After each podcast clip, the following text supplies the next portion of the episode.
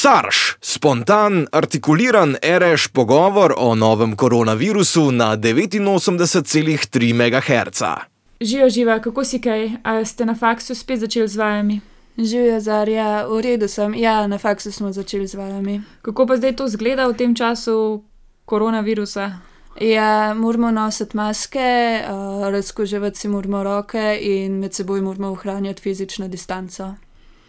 Torej, se držite nekih ukrepov, ki naj bi zaustavili širjenje virusa.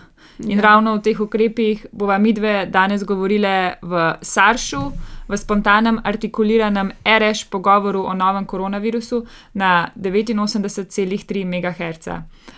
Torej, ukrepi, ki jih imamo za zaustavitev širjenja virusa, so ne, se nekako gibajo med blažitvijo širjenja, torej mitigacijo, in pa zajezitvijo širjenja patogena. Tako kot si rekla, izmenjujeta se blaženje in zajezitev. Zajezitev je najlažje delati v fazi epidemije, ko še lahko sledimo okuženim oziroma primerom okuženih, potem pa je še blaženje, to je pa, ko ta infekcijska bolezen preide prak epidemije oziroma pandemije in je potrebno sprejeti neke, neke ukrepe, ki to širjenje ublažijo. In te ukrepi so bolj strogi, kot bi bilo samo pri zajezitvi.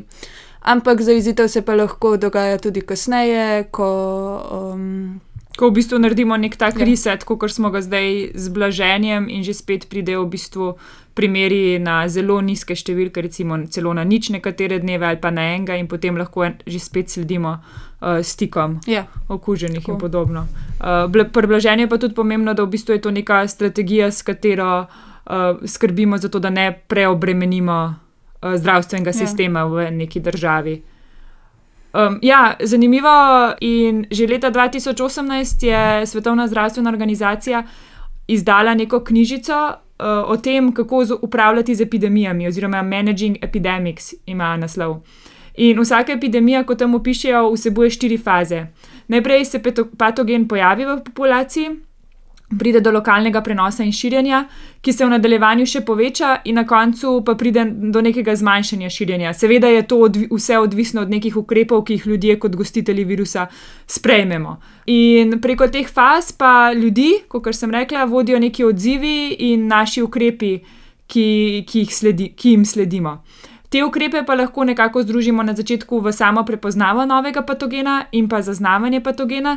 To se je recimo pri virusu SARS-CoV-2 zgodilo v januarju, ko je Svetovna zdravstvena organizacija v Wuhan poslala svojo ekspertno skupino in poročala o doga dogajanju. Recimo na kitajskem so genom tega novega virusa posekvencionirali že 12. januarja in takrat je bil v bistvu v januarju tudi prvič uradno zaznan uh, prenos med ljudmi, človeka na človeka. Ampak to širjenje v Wuhanu je bilo že kar zelo obširno, smo lahko spremljali v januarju, to, zdaj, to se nam zdaj zdi že sto let nazaj, ampak dejansko mogoče se še kdo spomni, kako smo se čudili poročilom, da v Wuhanu kar naenkrat na hitro gradijo neke nove bolnišnice in so v bistvu zelo hitro iz neke zajezitve in tru, nekega truda, da bi sploh sledili okužbi, prišli v zelo strogo karanteno, ki je vključevala tudi tako imenovano centralno karanteno. Ta centralna karantena pa je, ima namen, da so ločili okužene z blažjimi zraki, eh, znaki bolezni, ki so jih dali v hitro zgrajene bolnišnice, njihove stike pa so nastanili po hotelih in študentskih naseljih, rabili so veliko prostora za to, ampak to je pa vseeno velik poseg v pravice ljudi. Ampak očitno je bil nek njihov namen, saj kot ga jaz razumem, so nekako sledili smernicam zdravstv Svetovne zdravstvene organizacije, ki v tej knjižici, ki sem jo prej omenila, v bistvu omeni, da potem, ko pride do te blažitve s temi strogimi ukrepi, naj bi sledila neka eliminacija oziroma celo eradikacija virusa. In recimo Nova Zelandija je zanimiv primer, ker gre po tej poti eliminacije. Oni so celo že rekli, da so že eliminirali virus na nek način. Eliminacija seveda ne pomeni stalna ničla, pomeni zgolj to, da si v bistvu na zelo nizki številki skozi neko daljše časovno obdobje in da lahko normalno slediš virusu. Na nek način je to skoraj kar podobno neki zajezitvi virusa. In uh, v tem času, recimo, zanimivo so tudi nekajkrat povečali število testiranja. In te dni, kljub temu, da imajo zelo pogosto tudi ničlo, uh, nič novih zaznanih primerov, testirajo veliko več, kot so v bistvu v začetku epidemije na Novi Zelandiji. In v, v povprečju na dan to znese kar 5000 vzorcev. Kar je, če gledamo število prebivalcev v Sloveniji, podobno kot da bi tukaj testirali 2000 uh, ljudi dnevno. Uh, Nova Zelandija pa ima za razliko od Slovenije še to prednost, da je otok in zato lažje nadzoruje svoje meje, kar je pa v našem primeru veliko teže in je tudi redkeje poseljena kot Slovenija. Kar nekaj prednosti. Sicer sem se pa jaz v začetku maja obrnila na Nacionalni inštitut za javno zdravje in na njih naslovila vprašanje o tem, kakšen je pravzaprav naš cilj, ali sledimo ideji zaezitve, eliminacije ali blaženja. In odgovorili so naslednje. Pri pandemiji COVID-19, kjer je celotna svetovna populacija popolnoma nezaščitena pred boleznijo, je namen ukrepov upočasniti širjenje bolezni ter zaščita najbolj ogroženih skupin. Z upočasnitvijo širjenja bolezni omogočimo, da lahko zdravstveni sistem obravnava vse, ki bi potrebovali zdravniško pomoč. Torej so se odločili za blažitev širjenja. Ja, kot jaz razumem ta odgovor, ja, ki se mi pa zdi na trenutno situacijo, ko v bistvu imamo kar kakšne dneve, ko imamo nič novih primerov. Uh, in zgleda, da smo prvi val širjenja zelo uspešno zajezili, če odmislimo v bistvu kar ve velik delež umrlih, ker se nam je virus, nažalost, tudi kot v mnogih drugih državah, razširil v domove za ostarele. Uh, je pa ta odgovor o blaženju kar malo nenavaden. Je pa res, to drži, da je virus razširjen globalno in eliminacija na tej točki in kasnejša eradikacija deluje zelo nemogoča, praktično, brez kakršnih koli nekih farmacevtskih ali pa mogoče um, cepiva. Ja, ni lahka. Hkrati pa je problem, da vsaka evropska država sledi svoji strategiji in sprejema oziroma opušča različne ukrepe za blažitev virusa oziroma za eradikacijo virusa, in to tudi ob različnem času, kar prinaša zelo veliko negotovosti ta negotovost nas kar vse daje, se mi zdi, da res živimo v takem negotovem času. Marsikatera ameriška spletna stran oziroma časopis je že objavil neke sestavke o negotovosti. Recimo včeraj sem na spletni strani Vox uh, zasledila nek sestavek, kjer je epidemiologinja Eleanor Murray iz Bostonske univerze na primeru Združenih držav Amerike poudarila, kako lahko imajo različne vrste strožjih ukrepov, kot je lockdown, različne učinke, in podobno gre tudi v bistvu v primeru sproščanja ukrepov. Predvsem se to pozna pri tem, da je odvisno časovno, kdaj sprejmemo nek lockdown oziroma karanteno za neko državo, pa tudi od tega, kakšno, recimo pri sproščanju ukrepov, pa kako pogoste imamo še zaznane okužbe, recimo malo drugače.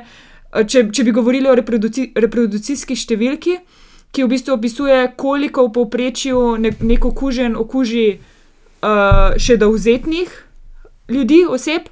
In recimo ta reproducijsko število je lahko nizko v primeru, ko imamo 10.000 okužb v populaciji, lahko je pa nizko tudi, ko imamo samo še eno okužbo v populaciji. Lahko je v obeh primerih recimo pod ena, ampak je pri 10.000 v populaciji veliko težje slediti novemu širjenju, kot pa recimo, če imamo samo en primer, ki bi lahko potencialno nekoga še naprej okužil. Zato tudi je vse. Je, je ta negotovost še večja, in recimo v Ameriki različne zvezdne države so v različnih fazah epidemije, in je težko predvideti, kaj se bo zgodilo o, ob odpiranju. Še posebej zato, ker se to odpiranje dogaja čisto, pri čisto različnih številkah samega testiranja, pa tudi števila pozitivnih na testih.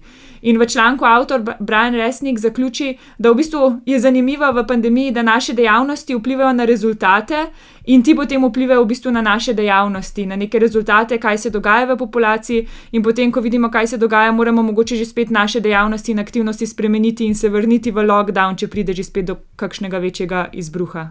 Ja, seveda. Ko si ti govorila o Ameriki, pa je tudi zanimiv, pre, um, zanimiv primer Združeno kraljestvo. Ta, je, ta ima tudi enega večjih oziroma hujših izbruhov, čeprav imajo še vedno zelo stroge ukrepe. Uh, ampak v Združenem kraljestvu so z, zavlačevali s sprejetjem ukrepov in s pripravo na epidemijo. In to je bila razlika nekaj tednov, in to zelo vpliva na širjenje virusa, oziroma na možnost zaustavitev širjenja. Oziroma, blaženje širjenja virusa. Ta razlika je tudi v nekaj dneh lahko zelo velika. V Sloveniji in tudi v Novi Zelandiji in nekaterih evropskih državah pa smo dosti hitro um, uveljavili oziroma sprejeli ukrepe. In zato, ker so bili pravočasno sprejeti, smo lahko zajezili širjenje, oziroma blažili širjenje, v našem primeru smo ga bolj zajezili.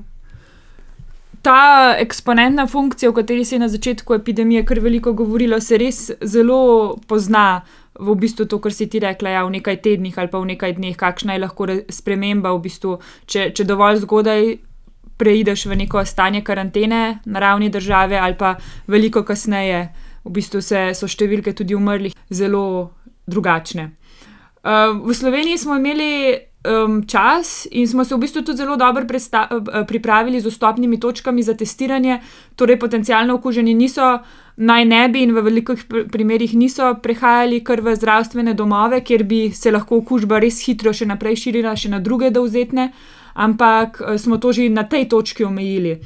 Kar smo pa imeli nesrečo na začetku, je pa to, da v bistvu je sočasno prišlo ogromno število primerov iz počitnic, iz Italije, pa tudi iz drugih krajev, ki so morda bili v stiku z virusom, nekateri so tudi razvili bolezen in zato enostavno nismo mogli samo slediti ukrepom zajezitve in slediti okužbi, ampak je bilo potrebno uh, iti v karanteno in v bistvu delati od doma, zapreti šole in podobno. Ja, če pa sledimo azijskim državam, je pa zelo drugače kot je v Evropi in Ameriki.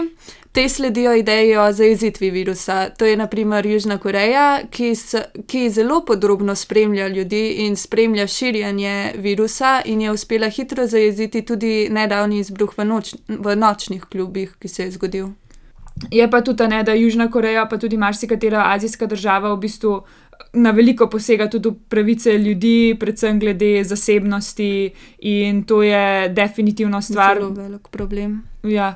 Ki jo moramo v Evropi nekako vzeti v zakup in na nek način um, ne odklanjati to in ne slediti tem idejam, ampak jih samo prilagoditi za, za naš način življenja in mogoče izumiti kakšne nove načine tega sledenja. In v bistvu pri sledenju je zelo pomembno tudi samo zaupanje v oblast oziroma v te službe, ki naj bi to izvajale. Vsekakor pa se izkaže, da je testiranje, sledenje okužbam in v bistvu stikom. Um, morebitnih pozitivnih oseb, ki so jih imele v preteklem času, in izolacija tako teh stikov, kot tistih, ki so bili pozitivni na testu za novi koronavirus, zelo pomembna.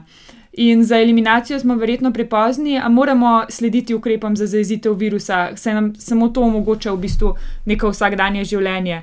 Uh, sledenje okuženim in njihovim morebitnim stikom pa mora biti seveda v domeni zdravstvene službe, torej v našem primeru v domeni Nacionalnega inštituta za zdravje in ne sme biti nikakor povezano z vojsko ali policijo. Uh, podatki pa morajo biti, kot je to v navadi, anonimizirani.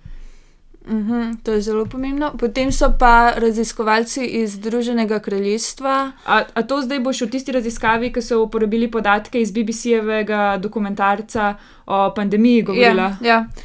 No, oni so na teh podatkih stimulirali različne ublažitvene in zaizitvene strategije in ocenili so, da izolacija oseb z znaki okužbe zmanjša širjenje za 32%. Če pa to združimo s sledenjem morebitnih stikov, ki so jih potrjeno okuženi imeli v zadnjih dneh in gredo te stiki tudi v karanteno, se širjenje zmanjša za 61%.